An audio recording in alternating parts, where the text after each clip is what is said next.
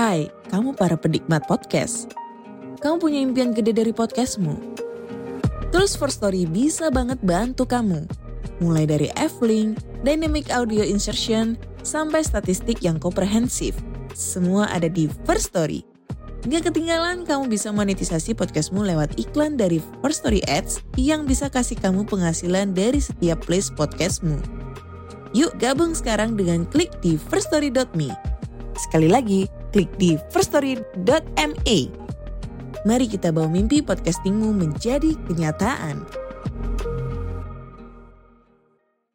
Sobat Malam Mencekam, sebelum masuk ke cerita, gue bakal ngenalin sebuah hosting keren nih. Dan hosting ini cocok banget buat kebutuhan kita. Namanya First Story. Nah, sedikit penjelasan apa itu First Story ya. Jadi ini adalah sebuah platform palu gada baru yang paling keren. Di First Story ini, kalian bisa menggunakan fitur-fiturnya 100% gratis loh. Kamu bisa mengupload episode terjadwal dan mendistribusikan podcastmu di semua platform hit podcast kesayangan kalian. First Story menyediakan customer service yang luar biasa berkat tim yang berisikan podcaster berpengalaman. Kamu bisa share podcastmu tanpa ribet dengan F-Link ini yang akan mencakup semua link platform dan sosial media kamu. Dengan First Story Ads, kamu bisa mengakses monetisasi dengan sangat mudah. Kamu bisa cairkan hasilnya kapan pun kamu mau tanpa biaya tambahan dan tanpa ribet. So, tunggu apa lagi? Gunakan hosting First Story sekarang juga.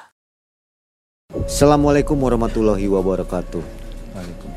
Selamat malam sobat malam mencekam. Malam yang semakin mencekam, makin malam makin mencekam. Terima kasih sudah selalu bersama kami. Saya Mang Ei dan tim malam hari ini menghadirkan kisah baru, kisah nyata dari para narasumber. Dan kali ini di depan Anda sudah ada Kibayan. Semua pasti sudah mengenal ya Kibayan. Kita langsung saja ke Kibayan ngobrol dulu apa yang akan dikisahkannya. Assalamualaikum Kibayan. Waalaikumsalam, Bang Ei. Apa kabar nih? Alhamdulillah sehat. Apa nih aktivitas sekarang? Untuk saat sekarang, alhamdulillah masih seperti yang dulu Masih kuliner. kuliner Iya. usahanya. Iya. Masih dengan pasien? Ya Sibuk paling pasien? seandainya kalau pasien ada waktu senggang baru Ya. Jadi nggak fokus di situ ya. ya tidak fokus.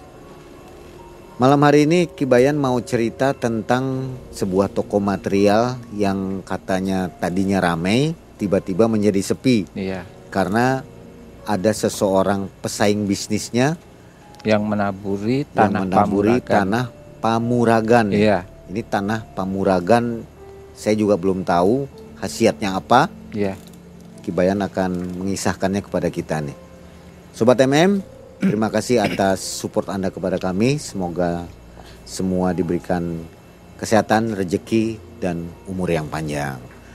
Kita ke Kibayan untuk mendengarkan kisah Tanah Pamuragan. Pamuragan.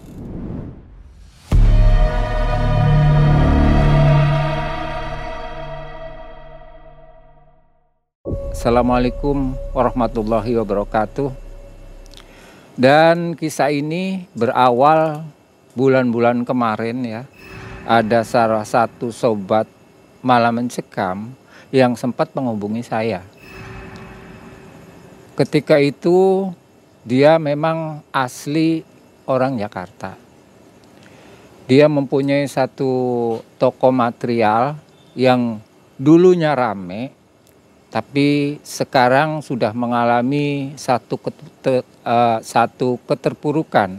Bahkan dalam empat bulan ini, konon dia bercerita tidak satu pun dari bahan-bahan atau eh, materialnya sempat dibeli oleh orang. Sepi ya? Sangat-sangat sepi. Ini bahkan tidak itu aja, Mang Ei. Dalam satu hari ya, itu sangat sering sekali yang namanya Pak Usman ini bertengkar dengan istrinya. Itu entah apa yang jadi penyebabnya, ya tidak tahu. Jadi Pak Usman ini menghubungi saya melalui HP ya Dan singkat cerita, saya diharapkan supaya segera untuk datang ke Jakarta. Dan akhirnya setelah uh, saya ini mengumpulkan sesu segala sesuatunya, berangkatlah pada waktu itu hari Senin. Dan singkat cerita, sampailah saya di rumah Pak Usman. Dan setelah saya datang ke rumah Pak Usman, dari awal ketika saya ini masuk ke dalam uh, satu apa namanya satu halaman. Memang rumah Pak Usman ini cukup besar ya. Halaman depannya ini memang sangat luas sekali khususnya untuk penyimpanan barang-barang material. Ya contohnya baik pasir, batu bata ataupun yang lain itu saya sudah merasakan satu getaran yang sangat kuat sekali. Sehingga ketika saya ini berjalan memasuki area dari pintunya rumah Pak Usman, ini dada saya sampai bergetar ya, saking cepatnya satu getaran yang masuk sehingga saya ini seperti habis berolahraga. Artinya ya seperti ngos-ngosan gitulah. Dari situ saya merasakan satu keanehan sampai pada umumnya biasanya kan melalui getaran dulu baik dari getaran telapak tangan. Nah, ini memang jauh berbeda dengan kebiasaan. Ini dengan tidak melalui getaran tangan, ini langsung melalui getaran hati.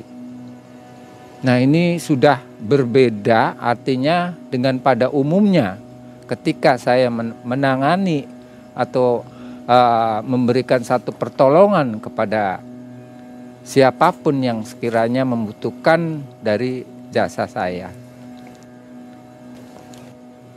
Dan ketika saya dipersilahkan masuk oleh Pak Usman.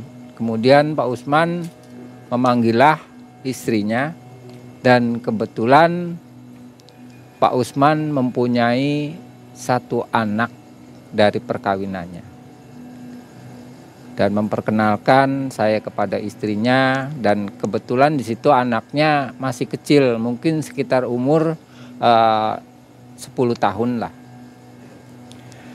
Dan singkat cerita, mulailah Pak Usman ini bercerita kepada saya awal dan muasalnya daripada toko material ini. Jadi berawal pada tahun 1980 bahwa toko material ini adalah warisan dari orang tua saya. Namanya Haji Ribat ya. Saya semuanya saya samarkan jadi dari bapak saya ini toko material ini memang pada waktu itu hanya satu-satunya di sini. Dan berjalannya waktu sampai tahun 2010. Dan mungkin karena faktor usia dan mungkin sudah merupakan satu takdir akhirnya kedua orang tuanya meninggal dunia. Dan karena memang anak satu-satunya dari keluarga Haji Ribat ini, maka saya katanya sebagai penerus toko material tersebut. Nah, dari situlah perjalanan saya untuk melanjutkan usaha dari kedua orang tua saya. Berjalannya waktu memang toko material saya karena mungkin ini adalah satu-satunya yang berada di sekitar situ ini memang cukup maju. Artinya pembeli ini banyak sekali tiap hari tuh Ada yang beli, keluar, masuk lagi, begitu seterusnya. Dan pada waktu tahun 2020 ini ada satu toko lagi yang kebetulan berada sangat tepat sekali di depan toko material Pak Usman ini. Nah, dari situlah mulai toko material Pak Usman ini mulai berkurang pembelinya. Dari hari ke hari sampai klimaksnya. Ini beberapa bulan yang lalu mungkin sekitar uh, atau lima bulan yang lalu ya. Ini betul-betul sangat klimaks bahkan pernah dalam satu bulan ini tidak ada pembeli sama sekali dan otomatis dari kebutuhan sehari-hari baik biaya untuk karyawan ataupun untuk biaya makan, hampir semua tabungan tuh hampir ludes. Bahkan pernah suatu hari ada satu kejadian ketika istri daripada Pak Usman ini memasak di dapur. Ini tiba-tiba baik gelas ataupun piring yang sempat ditaruh di meja ini sempat istilahnya seperti ada yang lempar.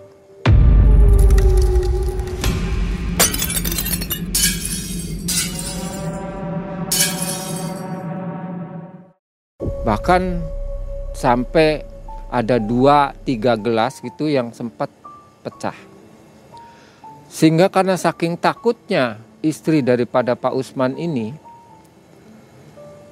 istrinya sampai lari manggil-manggil Pak Usman. Pak Usman, Pak Usman, ini di dapur. Apa katanya? Ini gelas tuh seolah-olah pada terbang gitu. Piring pada pecah. Semuanya pecah.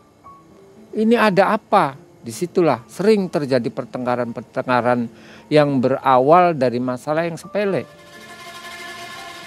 Nah, dari situ memang suasananya di sekitar rumah daripada Pak Usman ini terasa sangat panas-panas sekali. Panasnya dalam hal yaitu energinya ini bahkan ya sesuatu sedikit aja ada masalah ini bisa menjadi tambah besar. Bahkan sempat pada satu hari ada salah satu pegawainya ya di toko materialnya ini sempat berantem dengan sesama pegawai. Nah, itu yang sangat disesalkan ya. Ini begitu kuatnya satu energi yang melingkup istilahnya rumah daripada Pak Usman ini sehingga bisa mengakibatkan dari karyawannya ini sempat sampai berkelahi. Nah akhirnya dari perkelahian tersebut Pak Usman ini belum sempat menyadari hal-hal yang seperti ini. Dianggapnya hal-hal yang wajar ataupun hal yang biasa. Tapi ketika saya berada di sana, itu saya bisa merasakan ya satu getaran khususnya di hati ini itu hawanya begitu kuat sekali. Cuma saya belum bisa membuktikan. Artinya harus melalui uji coba dulu ini apa sebetulnya. Tapi dalam insting saya itu saya sudah tahu ini pergerakannya antara energi dan juga makhluk astral. Nah ini keduanya seperti ya bergabung menjadi satu sehingga ini yang membuat teror-teror yang berada di sekitar rumah Pak Usman ini. Dan akhirnya ketika malam tiba, saya coba sholat hajat dan langsung saya zikir ketika memasuki kurang lebih uh, hampir satu jam, ini saya merasakan satu getaran di hati ya, dan ada sesuatu bunyi yang apa namanya sangat keras sekali dari atas plafon. Bah! Sehingga saya jadi kaget pada waktu itu ya. Selang 10 menit kemudian ada sesuatu seperti uh, suara langkah yang sangat berat itu menapakkan ke bumi seperti bunyi yang bak bug. Nah ini ada sesuatu yang sangat berat sepertinya yang sedang berjalan. Ini semakin lama semakin mendekat dan getarannya ini semakin terasa. Dan setelah itu 10 menit kemudian ada satu berkas sinar ya, satu berkas sinar yang hitam. Satu berkas sinar yang hitam ini langsung menerpa saya. Tapi karena pada waktu awal saya ini telah membentengi dengan satu energi yang saya miliki, sehingga benturan itu tidak nyampe ke badan saya, tapi cukup menggetarkan. Artinya sempat terjadi satu letupan, ya, itu berjarak kurang lebih setengah meter dari depan saya. Esok paginya langsung saya utarakan kepada uh, Pak Usman ini. Ngobrol-ngobrol pada waktu itu dan saya pun menceritakan Pak Usman kata saya itu memang ini sangat berat sekali ya, sangat luar biasa sehingga kekuatan yang saya miliki ini seperti membentur satu tembok batu yang sangat kokoh Betul Kibayan katanya. Saya semalam juga sempat mendengar sesuatu yang jatuh ya. Suaranya begitu keras sekali. Saya juga sempat mendengar ketika saya pada waktu itu ingin menjelang tidur. Jadi gimana Kibayan untuk mengatasi hal tersebut? Ya sudah karena ini baru satu hari ya rencana saya ini untuk memastikan arah daripada sumber yang sempat meneror uh, tempatnya Pak Usman ini supaya cepat bisa saya ketahui. Dan singkat cerita, di malam kedua saya pun berzikir kembali setelah uh, menjalankan sholat hajat. Dan ketika ingin memasuki kurang lebih dua jam, ini mungkin satu perjalanan trans saya pada waktu itu ya. Itu saya di kejauhan, saya melihat dua sosok makhluk. Yang satu tinggi besar, berwarna hitam, dengan rambut yang acak-acakan Kemudian satu makhluk lagi itu berbentuk seekor harimau. Jadi dari situ dari jarak sekitar 25 meter. Nah, dia itu mendekati saya. Dan ketika mendekati saya itu diawali satu seberkas sinar lagi berwarna hitam itu langsung menerpa saya. Dan ditambah lagi dengan kedua makhluk yang saya lihat tadi itu juga dia menyerang ya. Ini sampai berjarak sekitar setengah meter dari saya. Buk, buk sampai tiga kali. Ini saya betul-betul merasa sangat gentar, sangat gentar sekali. Dan akhirnya setelah subuh, alhamdulillah benturan-benturan itu otomatis sudah mereda. Mungkin karena faktor ini akan menjelang pagi. Besoknya saya langsung ngobrol kepada Pak Usman. Nah Pak Usman, setelah dua hari saya coba meminta petunjuk sama Allah dari zikir yang semalam mungkin uh, Pak Usman mendengar dari benturan-benturan energi ataupun serangan-serangan yang dari makhluk astral tadi. Jadi gimana nih Kibayan?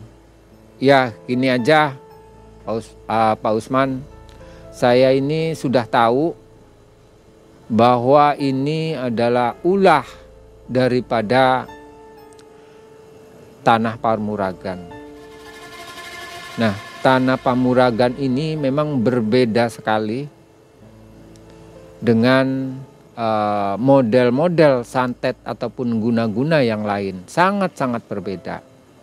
Jadi kalau uh, santet atau guna-guna yang lain itu tidak mengandalkan artinya uh, energi, tapi kalau model tanah Pamuragan ini ini sangat dahsyat sekali ada unsur energinya. Ini kolaborasi antara energi dengan makhluk astral ini bersatu sehingga kekuatannya sangat luar biasa. Tapi dari apa yang saya rasakan semalam ini karena saya tahu sumbernya. Ini dari tanah Pamuragan, jadi saya sudah punya satu antisipasi.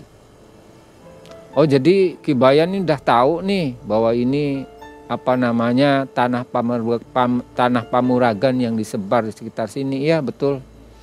Pertama dari hawa yang saya rasakan. Jadi hawa tersebut ini akan mengadu domba terutama orang-orang yang berada di sekitar sini. Baik istrinya Mas Usman ataupun pegawai-pegawainya Justru yang tidak akan tahan ya. Kalau seandainya hawa tersebut masuk, nah ini akan terjadi satu benturan sehingga terjadi rakles. Nah itu. Jadi gimana sekarang di Bayan? Ya sudah, karena memang saya ini udah tahu posisinya dan sumbernya saya sudah tahu, jadi dengan sangat terpaksa saya harus pulang ke Cirebon. Loh, Ngapain katanya harus pulang ke Cirebon? Yaitu karena antinya atau penetralisir daripada tanah Pamuragan itu tidak ada lagi, hanya ada di Cirebon lagi. Jadi jelasnya gimana Kibayan? Jelasnya saya mau ke lemah tambah.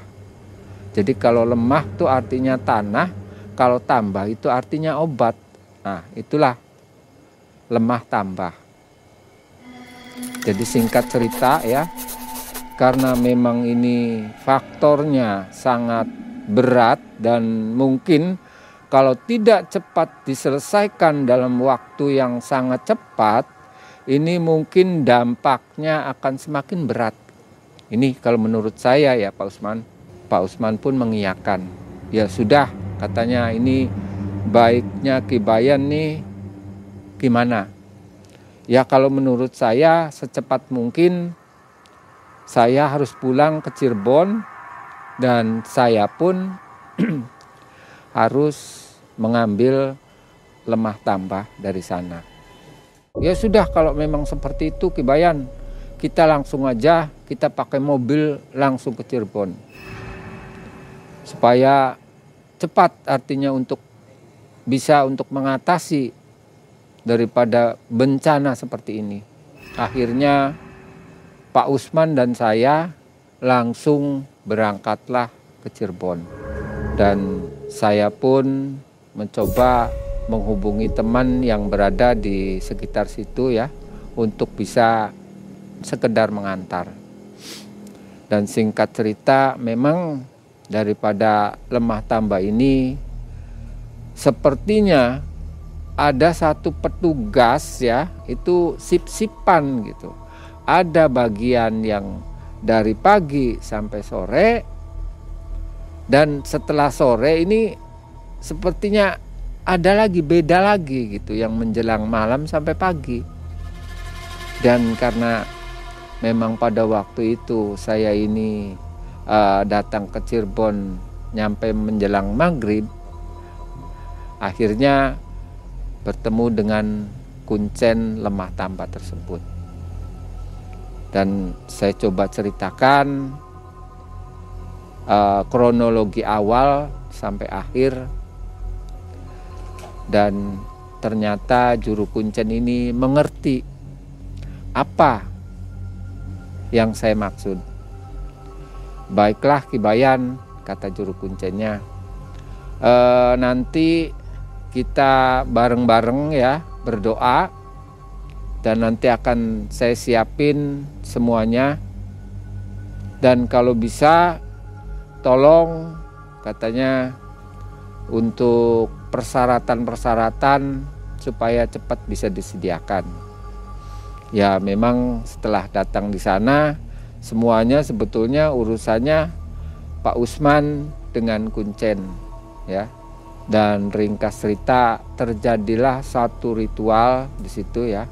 Saya pun sempat menyaksikan dari ritual-ritual tersebut.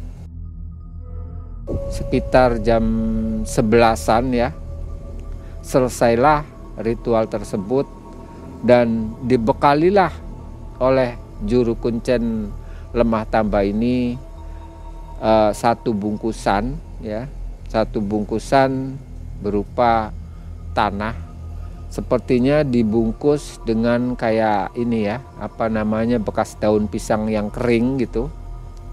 Nah dibungkus seperti itu kemudian oleh juru kuncen tersebut nanti katanya setelah datang ke rumah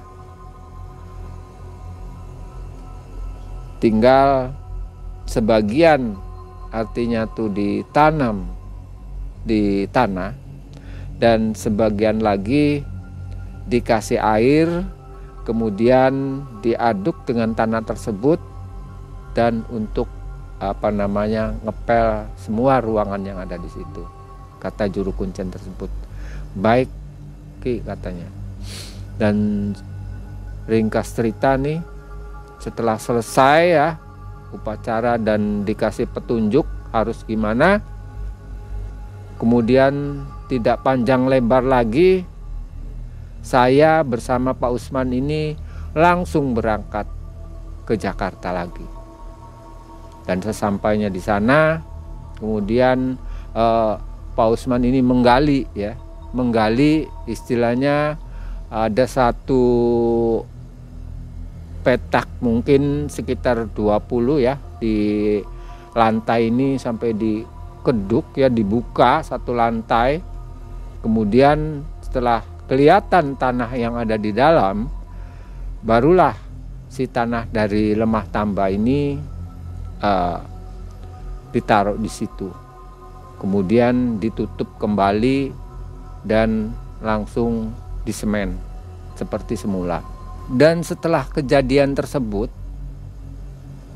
semua setelah persyaratan uh, dikerjakan oleh Pak Usman, ini betul-betul menjadi sesuatu yang aneh. Artinya yang dulunya panas suasananya sekarang sudah agak sejuk. Dan dua hari kemudian ada seseorang yang membeli material. Nah, dari situ awalnya Pak Usman merasa sangat bergembira. Ketiga hari, bahkan dalam satu minggu, seperti ada satu peningkatan, khususnya dalam satu penjualan material yang ada. Alhamdulillah, dari situ dia mungkin bersyukur ya, dan betul dari apa yang uh, sudah menanam ya ternyata justru kebalikan. Toko material yang di depan ini sempat terjadi satu kebakaran yang sangat besar.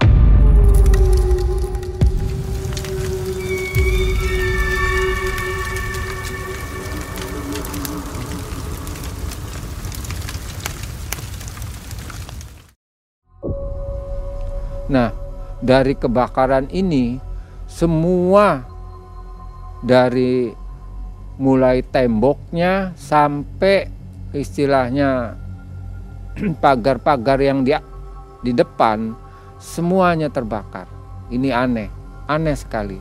Terjadinya begitu mendadak sekali. Dan Pak Usman juga merasa heran. Memang dalam hati merasa bersyukur ya dengan kejadian tersebut. Ini mungkin yang bermain adalah toko material yang di depan. Karena ini tidak ada hujan, tidak ada angin secara tiba-tiba. Setelah lewat satu minggu, ini kontan ya, kontan terjadi sampai toko material yang berada di depan toko materialnya uh, Pak Usman ini jadi kebakaran. Bahkan sampai banyak yang ambruk ya, banyak sekali yang ambruk. Nah, dan saya coba cerita sedikit ya tentang kronologi ataupun tanah Pamuragan. Jadi tanah Pamuragan ini adalah satu situs atau makam daripada uh, Nyimas Gandasari. Jadi Nyimas Gandasari ini adalah satu anak angkat ataupun uh, murid daripada Sunan Gunung Jati. Dan beliau ini bahkan menjadi seorang panglima pada waktu itu di antara prajurit-prajurit wanita yang ada di keraton Cirebon. Dan mengenai daripada uh, lemah tambah. Jadi memang pada waktu itu putri daripada Pamuragan yaitu Nyimas Gandasari ingin mencari satu pasangan. Jadi barang siapa yang istilahnya bisa mengalahkan saya, ini menurut sejarah Cirebon ya kurang lebihnya. Barang siapa yang bisa mengalahkan saya, akan saya jadikan sebagai suami. Nah, dari situlah ada seseorang yang mungkin ini dia berasal dari luar Indonesia yang bernama Syekh Magelung.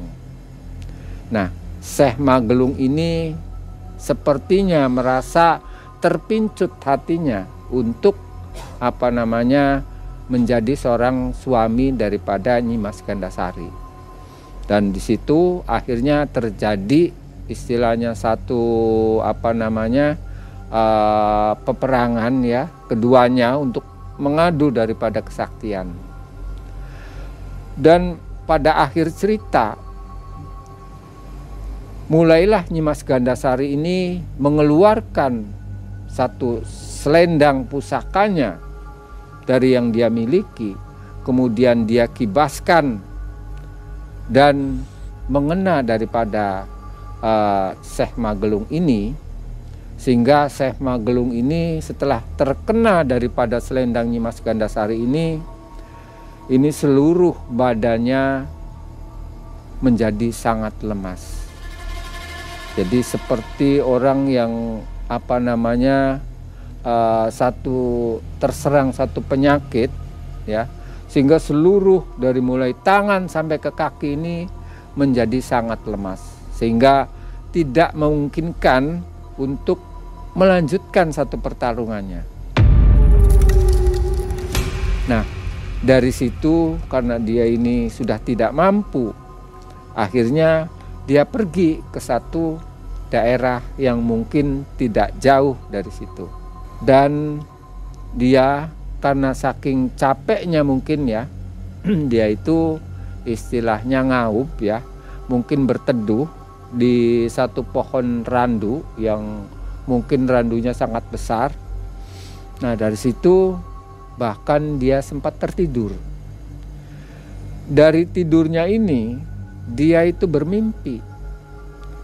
Jadi dia bermimpi bertemu dengan uh, seorang kakek ya.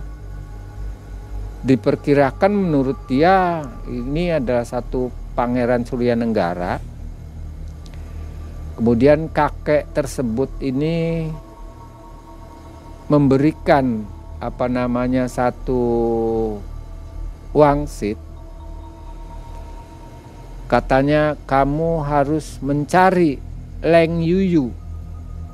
Jadi arti daripada Leng Yuyu ini lubang yang apa namanya kalau di Cirebon ya di pesawahan itu leng itu artinya lubang kecil, yuyu itu artinya seperti kepiting. Nah, setelah kamu mencari dan ketemu dengan leng yuyu ini, kamu harus mengambil tanahnya yang masih basah. Kemudian usapkan ke seluruh tubuh kamu katanya. Insya Allah di situlah obatnya. Dan betul paginya karena mungkin dia ini penasaran dengan mimpi yang apa namanya tadi ada orang yang memberitahukan tentang sesuatu dan dicobalah si Syekh Magelung ini mencari Leng Yuyu tersebut yang berada di sebuah pesawahan. Dan dari situ ternyata memang banyak sekali Leng Yuyu ya. Dan diambillah tanah yang bekas Leng Yuyu tersebut. Kemudian dia membalurkan ke seluruh tubuhnya dan alhamdulillah di situ ternyata dari lemas yang dia rasakan itu dia menjadi seger kembali dan bahkan kesegarannya ini seperti mendapat satu kekuatan atau satu kekuatan apa namanya energi ya mendapat satu energi yang seperti dipasok gitulah jadi bertambah sangat seger gitu Nah, makanya daerah tersebut dinamakan lemah tambah. Kalau kita pakai tanah pamuragan, iya. itu tanpa dibaca-baca ajian atau tidak mantra gitu? Tidak. Otomatis. Jadi itu sudah otomatis ya. Jadi di sana mungkin uh, menemukan atau cari juru kuncinya, kemudian di situ nanti ritual. Ada ritualnya juga. Iya, di situ ritual. Kemudian ya ditanyakan kembali ini sudah yakin benar ya hal seperti itu apakah bisa dirubah lagi istilahnya yaitu pilihan. Pilihan artinya apakah sudah harus seperti ini gitu. Dan resikonya mungkin seperti ini akan dijelaskan semua. Jadi nggak bisa langsung diambil langsung dilempar. Nggak seperti itu harus ada izin-izinnya istilah kalau kunci sih kalau ingin masuk rumah harus ada kuncinya gitu baru ini akan uh, terjadi sesuatu yang diinginkan baru bereaksi gitu baru ya? bereaksi jadi kalau hanya diambil dibuang begitu aja ya, nggak ada mungkin reaksi tidak ada reaksinya ya ibarat sebuah peluru ya kalau tidak melalui pelatuknya ini ya mungkin ya tidak akan terjadi seperti itu, tidak akan melesat lah istilahnya. Ini daerah mana ini? Ini Pamuragan, Kabupaten Cirebon, Mang I. Ya, mungkin kalau arahnya dari Gunung Jati ini sudah dekat sekali. Masyarakat mungkin Cirebon tanya, tahu ya. masyarakat Cirebon sudah tidak asing lagi, sudah bukan rahasia ini lagi ya. Mungkin sudah tahu semua. Selalu diizinkan oleh si kuncen kalau kita beli. Pasti diizinkan. Itu beli ya? ya secara otomatisnya minta. Tinggal persyaratannya seperti apa ya itu nanti setelah di sana. Seperti itu. Luar biasa ya, ya. efeknya. Ya, sangat efek merusak atau gitu ya. dampaknya ya. bisa merusak. Yang bahayanya lagi mereka yang tidak tahu bahwa rumahnya atau usahanya sudah ditaburi tanah itu ya. Nah, itu kalau yang tidak tahu ini lebih berbahaya Hancur lagi. Ya? kalau tidak cepat diatasi, kalau seandainya rumah tangga ini bisa bubaran gitu, bisa cerai. Sudah banyak terjadi. Sudah banyak terjadi hal seperti itu. Ya, kembali lagi ke iman ya. Iya, kembali Iman yang lagi harus ke kuat iman. ini. Ya. Lebih banyak ke arah balas dendam, ya, rata-ratanya mungkin sakit hati. karena sakit hati ya merasakan satu getirnya satu perbuatan seseorang kemudian ya seseorang tersebut harus bisa merasakan penderitaan yang dialaminya gitu Oke. Baik, sobat MM, itulah kisah nyata. Memang tempatnya pun nyata adanya ya di daerah Kabupaten Cirebon, Ya. Pamuragan dan Lemah, lemah tambah Lemah Tambak. Terima kasih Kibayan atas kisahnya. ya Semoga bermanfaat untuk kita semua. ya. amin Saya Mang Ei dan tim undur diri. Assalamualaikum warahmatullahi wabarakatuh.